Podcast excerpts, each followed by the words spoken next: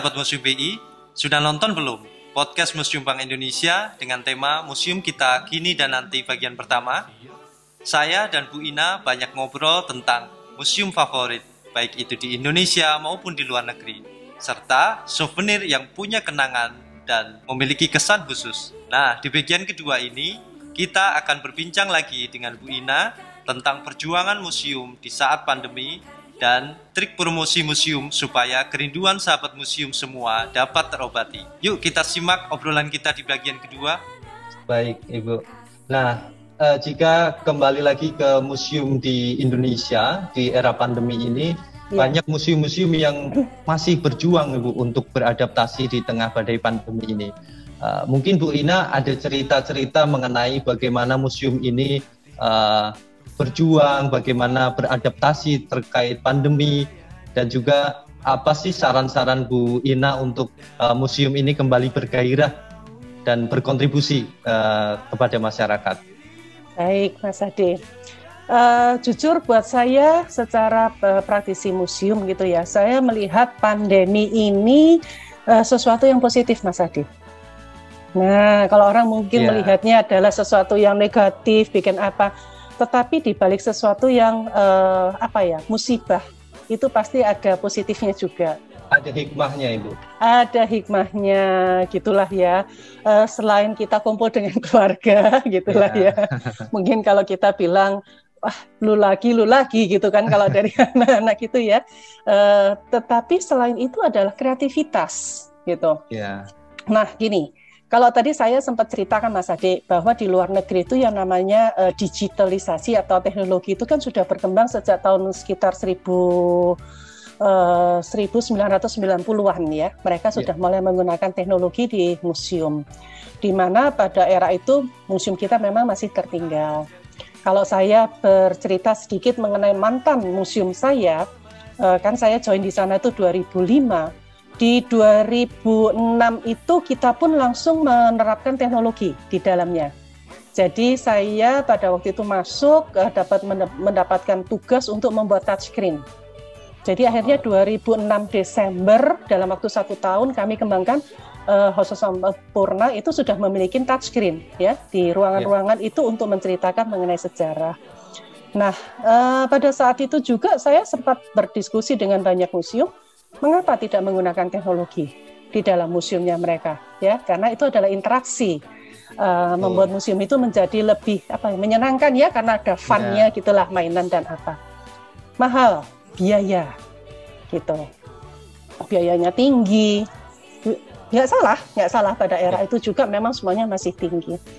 Tapi kalau Mas Ade ingat kita mulai punya sosial media waktu itu kapan ya? Facebook ya sekitar 1900 eh, 2000-an 2000, ya. Iya, 2000 awal. 2000 awal kan ya sudah ada Facebook gitu kan. Website.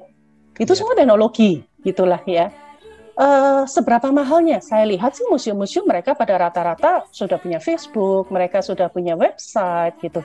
Nah, kalau kita mau di mau bilang menggunakan uh, digital atau teknologi yang tidak terlalu mahal, sebetulnya teknologi yang ada ini bisa sudah kita manfaatkan. Nah, yeah.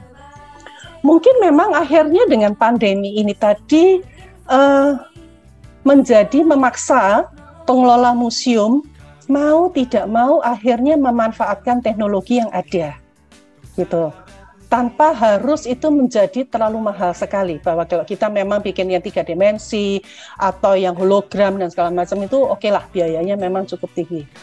Coba kita manfaatkan sesuatu yang tidak terlalu mahal. Nih kita bikin podcast gitu kan ya. Yeah. nah rasanya sekarang video pakai HP aja udah bisa gitu kan ya ya. Yeah. Instagram live FB Live, banyak banget gitu.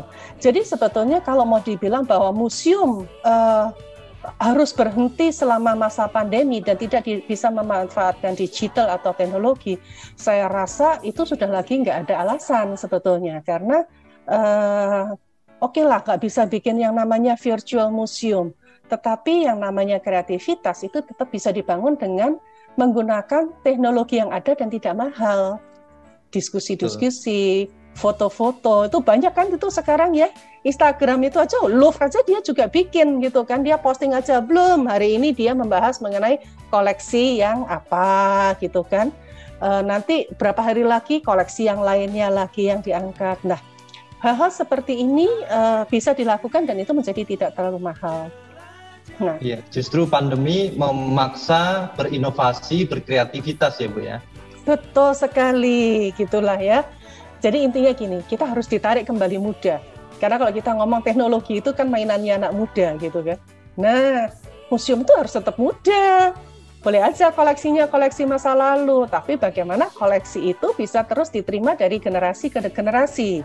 Nah, itu yang kita harus memanfaatkan atau museum itu harus mampu berkembang sesuai dengan zaman. Nah, eh, apa manfaat sebetulnya dari penggunaan digital atau teknologi? Kita dipaksa di rumah, gitu kan lah ya. Tidak boleh berkeliling. Bila museum itu tidak uh, berkreasi uh, tidak melakukan sesuatu melalui teknologi yang ada yang dapat dicapai dari sebuah gawai yang ada di rumah ataupun melalui laptop ataupun melalui apa pun uh, pasti yang namanya itu kalau kita ngomong sama pacar tuh lama-lama ya mungkin bisa lupa ya Mas Ade ya. Lupa-lupa ingat atau paling tidak begitulah ya seperti itu. Nah, tetapi dengan kita terus berkoneksi uh, melalui teknologi yang ada, ya intinya yang namanya kangen itu kan jadi tersalurkan ya Mas ya, Ade ya. Nah, itu kalau kita uh, eh, LDR itu kan gitu ya. Kalau zaman saya dulu mungkin harus surat-suratan gitu, sekarang pakai WA. Eh, saya tolong dong foto kamu gitu kan lah ya. Nah, ini sama dengan museum gitu. Jadi uh, pandemi ini saya rasa memberikan dampak yang luar biasa teman-teman uh, museum itu akhirnya banyak sekali yang mereka betul bergerak uh, menggunakan teknologi, melakukan webinar, melakukan diskusi, ada yang bikin vi museum virtual. Ini tetap harus terus dibangun, ya, ya. untuk membangun memori dan membangun uh, daya tarik dan curiosity ya, keingintahuan, ya. keingintahuan gitu. Um, kalau kita pengen tahu eh api ya museumnya, us cakep gitu kan koleksinya. Apa ya. sih ini kok aku nggak pernah tahu padahal udah puluhan kali tuh ke museum gitu kan lah ya. Nah, hal seperti itu mungkin akan mendorong mereka kapan sih museum buka? Aku mau dong ke sana. Tuh, nah, banyak juga Bu jadi pertanyaan kapan museum buka nih? Kami sudah ingin berkunjung gitu. Iya. Nah, di situlah sebetulnya konten kreator fungsi untuk membangun sebuah konten uh, digital selama masa pandemi ini menjadi penting Mas Adi.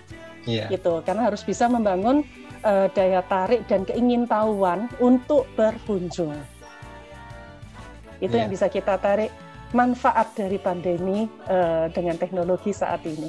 Iya, jadi walaupun pandemi ini kesannya museum tutup sehingga uh, tidak muncul ke permukaan, tidak dekat dengan masyarakat dan sulit dijangkau itu tidak ada ya Bu karena dengan inovasi, kreativitas melalui apa pun apalagi dengan kemudahan era digital ini masyarakat tetap bisa dekat dengan museum, menjangkau museum atau bahkan pernah Bu saya mendapatkan email personal dari salah satu museum, saya sebut Museum Macan. Oh, nah, yeah. ini bagaimana cara mereka untuk membangun kedekatan dengan uh, masyarakat hmm. dengan cara memberikan informasi personal. Nah, ini Apakah yang seperti ini efektif Bu uh, diterapkan di museum? Uh, menurut saya sih tetap efektif ya. Uh, kayak saya itu museum in yang di Jakarta itu yang sering uh, mengirimkan yeah. email ke saya gitu ya. Eh kita lagi ada agenda ini, kita ada agenda itu. Nah ke ada dua memang. Jadi mereka mengirimkan juga melalui WA, mereka juga mengirimkan melalui email. Nah, um, saat ini tuh kan banyak museum yang dia melakukan sharing melalui Instagram dan Facebook. Ya. Secara uh, yang saya pelajarin juga di seluruh dunia, uh, ini ada satu research yang dilakukan oleh ICOM. Ya. ya. Sebetulnya yeah. sosial media yang mana sih yang paling memberikan apa ya uh, bermanfaat ya dampak uh, kepada para pengunjung virtualnya. Yeah. Nah, kalau memang dari sisi uh, research ini tadi yang dilakukan oleh ICOM itu adalah melalui Facebook justru. Oh Facebook ya? Iya, jadi banyak melalui Facebook, melalui Instagram gitulah ya. Tapi Facebook itu adalah justru yang pertama. Saya berusaha juga memahami di sini gitulah ya. Kenapa sih Facebook? Gitu ya, dibandingkan pamannya Instagram. Mungkin dengan Facebook kita bisa melihat di sini kita kan lebih bisa banyak bercerita ya kalau kita ngomong di Facebook ya.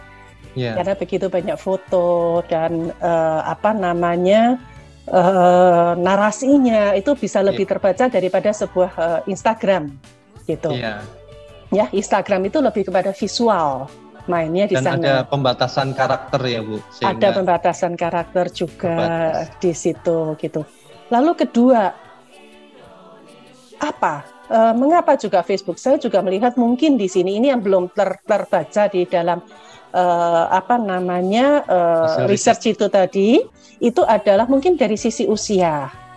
Iya. Nah, kalau kita ngomong kan orang-orang yang usianya ke museum itu sudah kita bilang adalah yang major ya. Di mana-mana usia major ini rata-rata lebih bermainnya adalah di Facebook itu daripada di iya. Instagram ya. gitu. Sesuai ya. usianya. Sesuai dengan usianya. Jadi bisa juga itu akan mempengaruhi juga hasil dari uh, research ini tadi. Nah, kalau dari sisi yang tadi dipertanyakan mengenai email dan apa, saya secara pribadi bila ada sebuah event itu saya justru lebih mengingatnya bila itu di-emailkan ke saya daripada di WA kan ke saya. Iya. Nah, sekarang coba Mas Ade punya berapa WA group? nah, ya kan? Banyak Banyak kalau pagi bangun tidur coba berapa ratus chat yang muncul gitu iya. kan? Nah lalu kira-kira kita ingat nggak begitu pada waktunya? Eh tanggal sekian ada ini ya. Ya lupa udah kelewat gitu kan? Betul. karena udah tertumpuk dan segala macam. Nah ini salah satu uh, yang mungkin juga perlu menjadi perhatian saat kita ingin melihat sebuah media. Sedangkan email itu tidak banyak memang ya karena yeah. lebih bersifatnya memang personal kalau email karena kita nggak akan share alamat email kita begitu gampang gitu kan sedangkan WA kita uh, nomor HP kita pasti lebih mudah nah yeah. yang kedua begitu memang melalui email itu uh, saya biasanya kalau memang tertarik uh, maka saya bisa menyimpan di dalam agenda saya Iya, bisa nah, otomatis tersimpan ya. otomatis ya. tersimpan di agenda Jadi gitu nanti kan. ada notif lagi untuk Betul sekali. Sedangkan WA masih belum bisa di sana. Ya, jadi kita yang harus secara manual memindahkan informasi itu ke agenda secara pribadi. Nah, ini yang sering kadang-kadang luput saat kita membaca chat-chat yang begitu ratusan yang biasanya kita terima setiap harinya. Jadi saya rasa kalaupun melalui email itu saya masih tetap efektif ya seharusnya uh, sebagai pengingat, tetapi anak muda sekarang yang harus kita lihat siapa target kita. Nah, yeah. ini yang museum harus betul-betul memperhatikan pada saat membuat sebuah program, membuat sebuah uh, acara, siapa yang akan kita target, gitu. Nah, yeah. Dari sisi usia itulah baru kita akan melihat lalu uh, medium apa yang akan kita pergunakan medianya.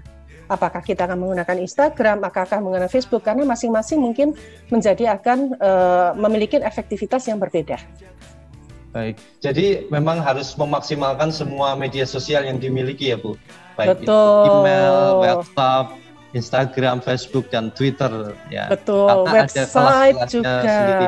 Website betul sekali Website Bu. juga ya, gitulah untuk ya. mendapatkan informasi yang lebih lengkap dan lebih banyak, biasanya kami link uh, informasi yang ada di media sosial lainnya untuk berkunjung ke website. Betul sekali. Ya. Jadi kalau memang harus betul-betul dilihat ini eventnya apalah ya ya mungkin kita memperkenalkan koleksi. Saya rasa Instagram amat sangat cocok sekali gitulah ya. Tetapi kalau begitu adalah sebuah webinar sebuah apa. Nah ini seberapa pengingatnya? Ini mungkin harus lebih memang effort uh, apa namanya untuk mengingatkan kita lah ya karena chat begitu banyaknya. Dan kuncinya adalah database ya Bu. Bagaimana museum Pasti. bisa mengelola database-nya sehingga uh, pengunjung yang telah datang atau potensial pengunjung ini bisa kita mapping. Nanti endingnya kita dapat mempromosikan museum secara lebih efektif begitu Bu. Betul sekali. Ya, jadi kadang-kadang yang kita lupakan pada saat kita ke museum lalu kita beli tiket, selesai ya. sudah hubungan kita, ya kan? Pulang selesai sudah hubungan kita, gitu kan? Tetapi uh, kalau uh, apa namanya, uh, bisa ada sedikit lebih effort dalam hal ini. Eh, sekarang kan QR tuh gampang banget gitulah iya, ya. Nah, pakai Google Form ya bu ya. Betul atau pakai Google Form gitu. Kalau ini pakai QR nanti dia akan masuk ke form. Tolong dong masukin datamu ya. Orang mungkin akan nggak mau share nomor HP, tetapi email yeah. oke okay.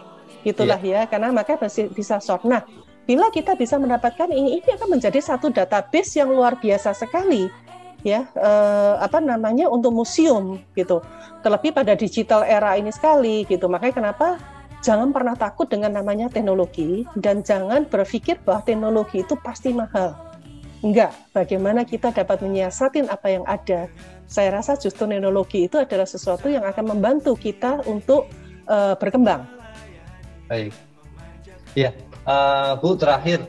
Tadi kan uh, Bu Ina telah menyampaikan bagaimana masyarakat ini dapat berperan aktif untuk mengembangkan permusiuman atau mendukung gerakan museum. Nah, uh, atau sebaliknya, museum bekerja sama dengan komunitas, dengan instansi lain, atau bahkan yang ngetren sekarang bekerja sama dengan anak-anak muda yang masih punya semangat tinggi untuk berkontribusi. Nah, apa sih yang bisa dilakukan, Bu, uh, oleh museum atau masyarakat untuk bersama-sama mendukung perkembangan museum ke depan? Baik, kalau kita berbicara, berbicara mengenai museum, sebetulnya museum itu adalah apa ya kumpulan dari komunitas ya saya bilang. Nggak cuma dari sisi koleksi itu sendiri ya.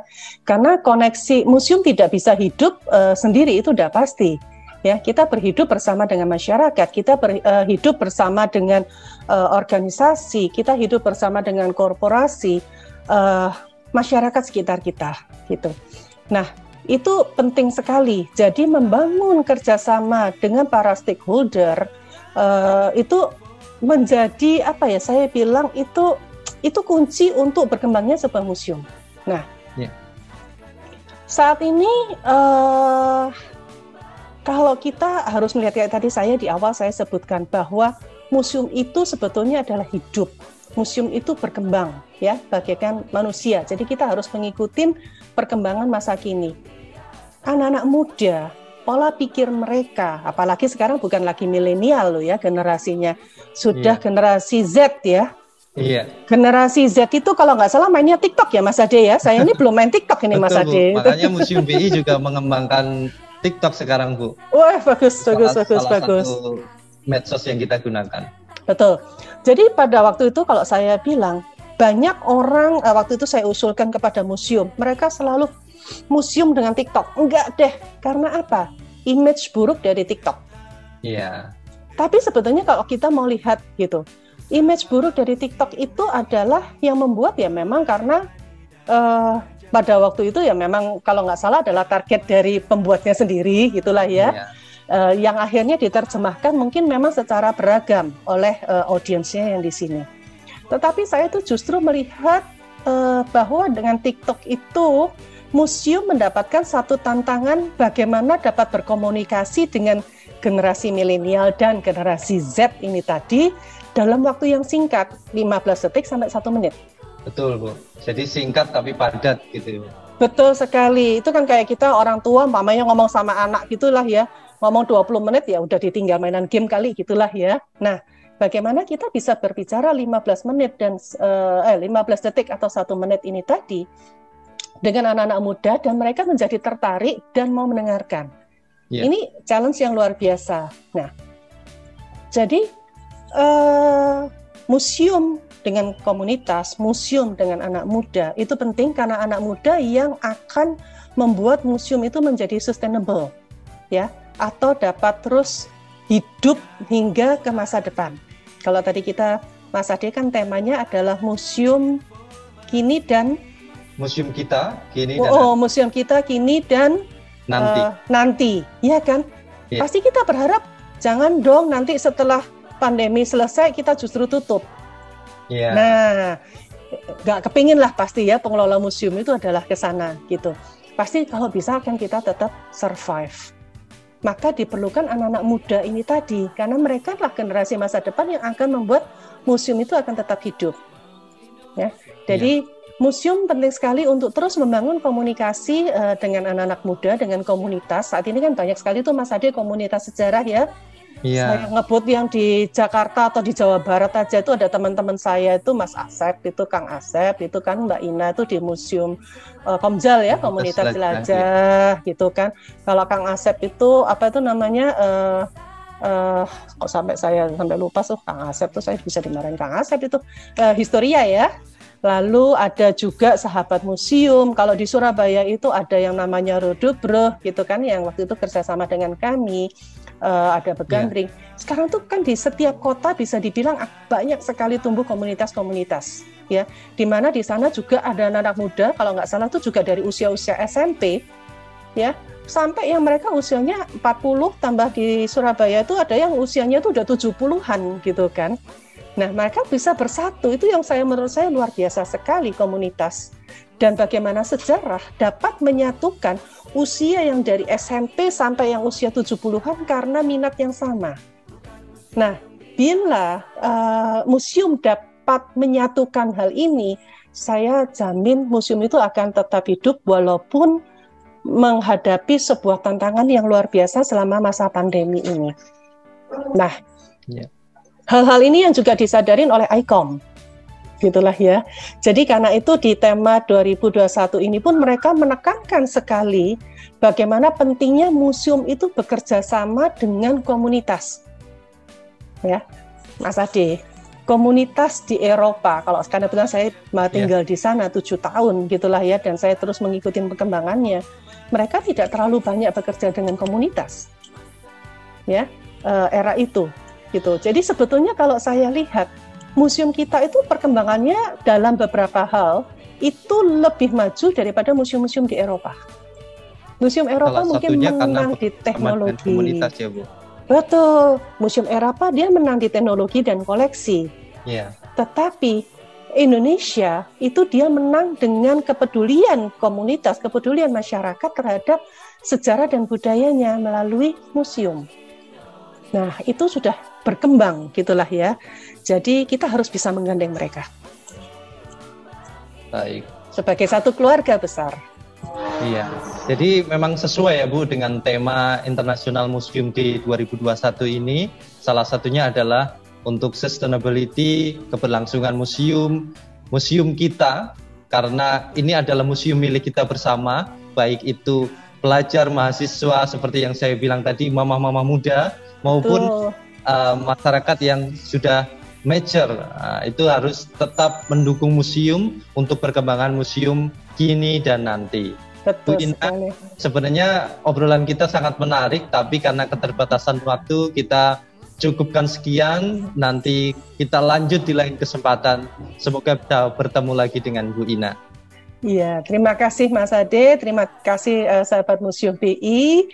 Uh, begitu pula teman-teman BI yang lainnya gitu kan.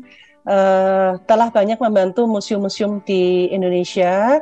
Uh, untuk para pengelola kalau boleh nih Mas Ade boleh, itulah ya. Semangat terus jangan pernah putus asa ya. Uh, pandemi ini menurut saya justru adalah menjadi akhirnya sebuah vitamin ya sebuah vaksin untuk kita yang di mana kita harus terus justru dapat bertahan hidup melalui kreativitas gitu ya Baik. Dan uh, jangan pernah lupa mereka yang di luar sana, komunitas uh, maupun masyarakat, mereka adalah keluarga kita. Dan kalau kita dapat bergandengan tangan, saya yakin uh, kita sama-sama dapat membuat museum keluar dan terus berkembang setelah uh, pandemi lewat. Dan kita doakan pandemi segera berlalu. Amin, amin ya robbal alamin. Terima kasih Bu Ina. Kata kuncinya Sama-sama. yang sangat menarik di penutupan tadi bahwa jangan jadikan pandemi sebagai musuh, tapi jadikan pandemi sebagai vitamin atau vaksin bagi museum untuk perkembangan museum agar museum terus berinovasi dan berkreativitas untuk mendukung dan mengembangkan museum ke depan. Sahabat Museum BI, demikian podcast kita kali ini. Jangan lupa subscribe, like, share, dan komen di video Museum Bank Indonesia. Sampai jumpa di podcast selanjutnya. Bukan museum biasa